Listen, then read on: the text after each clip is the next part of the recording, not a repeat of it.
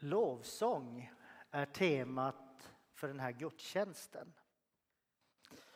Lovsång är någonting som jag tror många av oss som är uppvuxna i kyrkan kan förknippa med en viss typ av fromhet. Eh, en fromhet som är lite gladare, lite vildare, eh, lite mer trummor och gitarrer i vår tid. Men är det verkligen lovsång? Vi sjunger lovsånger också här, det finns lovsånger i salmer och ibland så stannar lovsångsfrågan kring eh, olika musikgenrer. Nu har vi lovsång. vi kan vänta tills den är klar. Inga problem. Det är bra med reklamavbrott.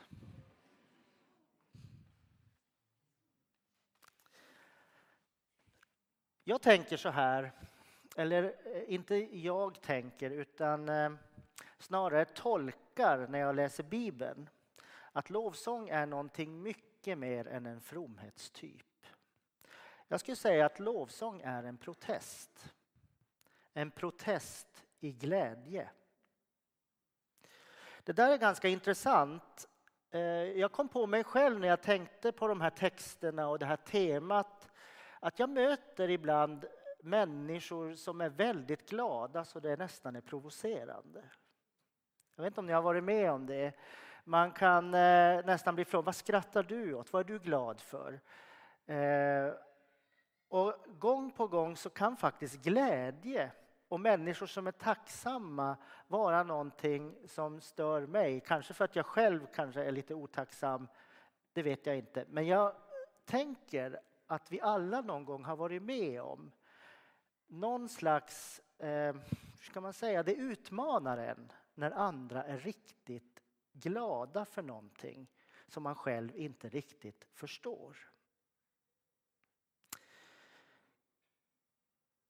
Glädje i protest eller protest i glädje. Det är någonting som kommer fram gång på gång i Bibeln. Eh, och eh, det springer faktiskt fram den här protesten ur eh, hela Bibeln när människor som är lägst ner i samhällets botten inte får vara i centrum eller tas om hand av ett land, en nation, ett samhälle. Och det där berör Gud. Och läser man eh, Gamla testamentet så använder Bibeln ord som Gud häpnade när han såg hur man behandlade de fattiga. Gud häpnade. Gud vredgades, står det på ett ställe, när han såg att ingen ingrep för den svage. Han vredgades. Alltså det verkar som att till och med Gud häpnar när han ser hur vi lyckas ibland att skjuta bort det som är sårbart, det som är fattigt till synes i våra samhällen. Och det Gud gör, det är ju ganska intressant om man liksom teologiskt följer vad som händer sen. Det är ju som om Gud tänker att det räcker tydligen inte med att jag häpnar. Det räcker tydligen inte med att jag vredgas. Det räcker tydligen inte att jag säger till makthavare skärp er. Utan jag måste göra någonting väldigt, väldigt radikalt. Jag måste själv bli fattig. Jag måste själv kliva ner och bli en av oss. Och det är precis det som Jesus gör. Gud inkarneras genom Jesus, människan. Och då är det ju rätt intressant hur Jesus tänker. Hur ska jag liksom förändra det här? Nu är det här, ska ni tänka, romarriket. De är under ockupation, israelerna. Och nu tänker Jesus, hur ska jag göra för att så att säga ställa de fattiga och de minsta i centrum? Ja, ett sätt skulle ju vara ett väpnat uppror. Det är det många som försöker. Men den här romerska makten är ju alldeles för stark. Det skulle också kunna vara så att, man, att Jesus lierar sig med de visa och kloka, fariseer och överstepräster. Eh, det skulle också kunna innebära att han tillsammans med dem går till kejsare i romarriket och de som har makten och försöker övertala dem att göra någonting annat. Istället väljer Jesus någonting annat. Han väljer först tolv lärjungar som är fiskare. Alltså väldigt långt ner i hierarkin. Och så börjar han samla dem. Och så säger han till dem, följ mig. Och det här sker i Galileen. Och så det han gör sen när han säger följ mig, det är att han gör en slags pilgrimsvandring i Lukas evangeliet. Hans idé verkar vara att nu pilgrimsvandrar jag med er till Jerusalem. Nu startar jag ett tåg. Och det här tåget ska bli med tiden en glädje i protest. Lukas evangeliet visar tre gånger på den här berättelsen och varje gång så är det liksom att betona, tror jag, att det är ett tåg. Jag vet inte om ni känner till eh, Pride-tåget. Om ni tänker efter så finns det massor med tåg som är lite provocerande. Pride-tåget är ju provocerande. En massa människor som är klädda helt utanför ramarna eh, som sjunger och är glada, är väldigt frispråkiga.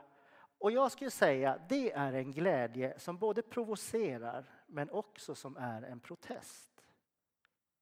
Det här är ingenting nytt. Slaveri, de som var slavar i USA och i Afrika och på olika platser i världen. Ofta så bildar man tåg och så sjunger man lovsånger. Man sjunger hoppets sånger och man sjunger dem i glädje trots att situationen är oerhört prekär och tragisk. Och det är det Jesus börjar tänka nu. Nu ska jag samla upp alla människor som finns i marginalen, alla de där som Gud häpnade över att ingen grep in och hjälpte. Nu ska jag bilda ett tåg av fattiga, av de som är utslagna, sårbara och så ska vi gå mot Jerusalem. Och det provocerar hela, hela tiden. Lovsång som ett sätt att eh, vara upprörd eller problematisera sakernas tillstånd. Alltså inte vapen, inte krig och inte kraft, utan lovsång i ett tåg. Naturligtvis så griper Lukas tillbaka på Exodus, uttåget ur Egypten. Israels folk har vandrat och vandrat och vandrat Överallt där de kommer så försöker man liksom stoppa det här tåget.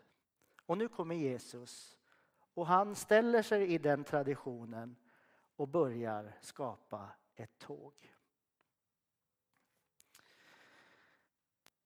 Och naturligtvis så stoppas de av fariseerna som sätter Jesus på prov. Det är oerhört provocerande för fariseerna att de låter för mycket, att de för sig, syns för mycket och så vidare. Och så vidare.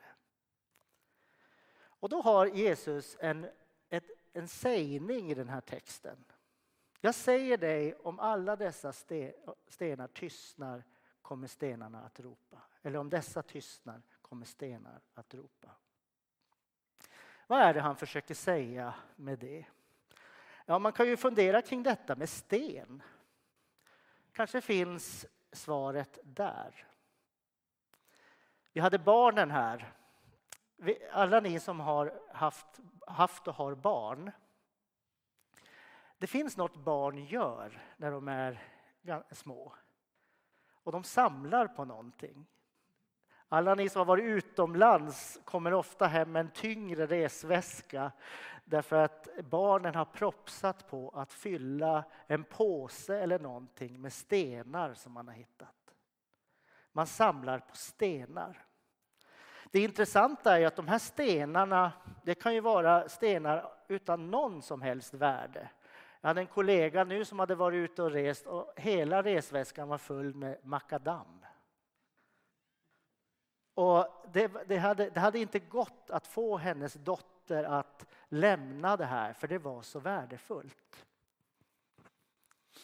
När Gamla testamentet talar om stenar och även Uppenbarelseboken och delar i Nya testamentet så talar man om stenar i, i termer av safirer, briljanter, diamanter, ametister. Alltså det är som att plötsligt så finns det också stenar som makten eller som de styrande, de vuxna börjar värdera vilken sten som är mest värd någonting. Plötsligt så har stenarna, liksom, finns stenar som är bättre att samla på eller inte. Detta då till skillnad från barnet som inte bryr sig om det är en safir eller en diamant. Det går lika bra med makadam. Och det är precis det som jag tror Jesus är ute, när han säger, när han, ute efter när han säger att han är en hörnsten. En hörnsten den har egentligen inget värde i sig förutom en enda sak. Hörnstenen byggs upp av människors tro. Då är det inte tinget i sig, stenen i sig, som har det stora värdet, om den är safir eller diamant. Utan snarare om det, min relation till det är byggt på tro. Barnets tro. Hörnstenen är dyrbar för den som tror.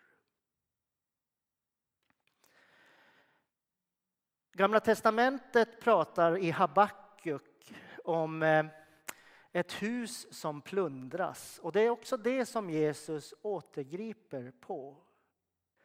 Alltså Jesus berättar ungefär så att allt det som ni har stulit ur ett hus eller plundrat ett hus och gjort en människa fattig och sen börjar ni bo där. Det kommer inte att gå därför stenarna kommer att ropa. Det där kan vi ju känna till om vi har gjort något fel eller det finns ju liksom alla där. Men Jesus säger vi har någonting som gör att även om vi tror att det där att det ska kunna gå att bo i detta, även fast vi vet att det är fel, så kommer stenarna att ropa. Och det är precis det han säger också till fariseer och överstepräster. Att även om ni raserar det här huset, plundrar huset på rättfärdighet, så kommer stenarna att ropa. Stenar i tro. Kan man tänka oss människor som stenar? För några veckor sedan var det en ganska vidrig kampanj som ett parti hade som hette Hej då Hassan. Jag vet inte om ni minns det. Alltså människor som eh, vissa stenar som man skickar på ett plan och så jublar man över det. Då var det ett annat parti som tänkte att det där är ju inget bra. Så de skrev Hej Hassan och så skrev de Hej Hassan ingenjör, Hej Hassan läkare, Hej Hassan lärare och så vidare. Och man hade ju naturligtvis en god intention med det. Problemet var ju bara det, måste man vara läkare eller lärare eller politiker i vårt land för att få stanna här? Är det så vi mäter ett människovärde? Plötsligt hade man, utan att man tänkte på det, och jag är helt säker på att de som gjorde den kampanjen, de ville väl. Men de glömde bort det som Jesus poängterar här. Värdera inte stenar, utan ha en relation till stenen utifrån er tro. Annars devalverar vi människovärdet. Jag tänker att den här predikan och lovsången, maningen till oss här att verkligen sjunga ut. Var finns det sången i vårt hjärta? Det här med kyrkan som ett pilgrimsfolk. Igår vandrade människor här. Vi, gjorde såna, vi gör sådana här pilgrimsvandringar till Svenska kyrkan. Tänk om det där, och det håller ju på att bli en rörelse. Tänk om det här blir tåg runt om i Sverige där vi vandrar i glädje så att det är en protest i glädje. De olydigas lovsång. Vi kan skaffa oss utrymme genom att tyst, vara tysta. Det finns det. Man anpassar sig till vad människor som har makt säger och grupper och så vidare. Så genom tystnaden så får vi liksom vara lite fria. Men det är mycket mer värdigt eller hoppfullt att få säga vem man verkligen är och få utrymme på det sättet.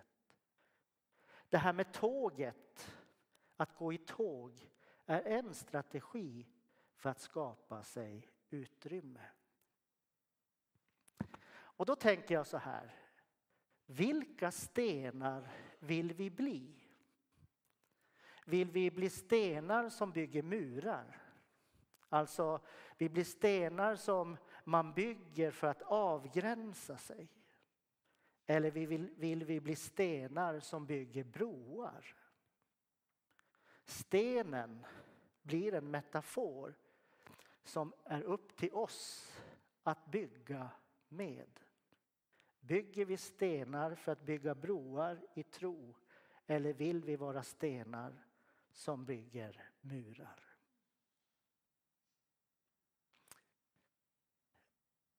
Ja, låt mig få avsluta den här predikan med en bön. Ni känner till sinnesrobönen. Jag har en god vän som är diakon som eh, brinner väldigt mycket för det här med rättvisa och orättvisa. hon skrev eh, en omskrivning av sinnesrobönen och låt mig avsluta med den.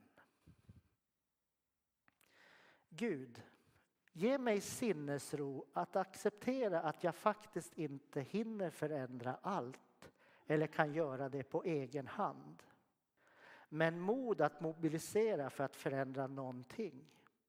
Och förstånd att inse att min samhällsoro är en gåva. Att den här ångesten jag har faktiskt är en kallelse att bära världens lidande i mitt eget hjärta.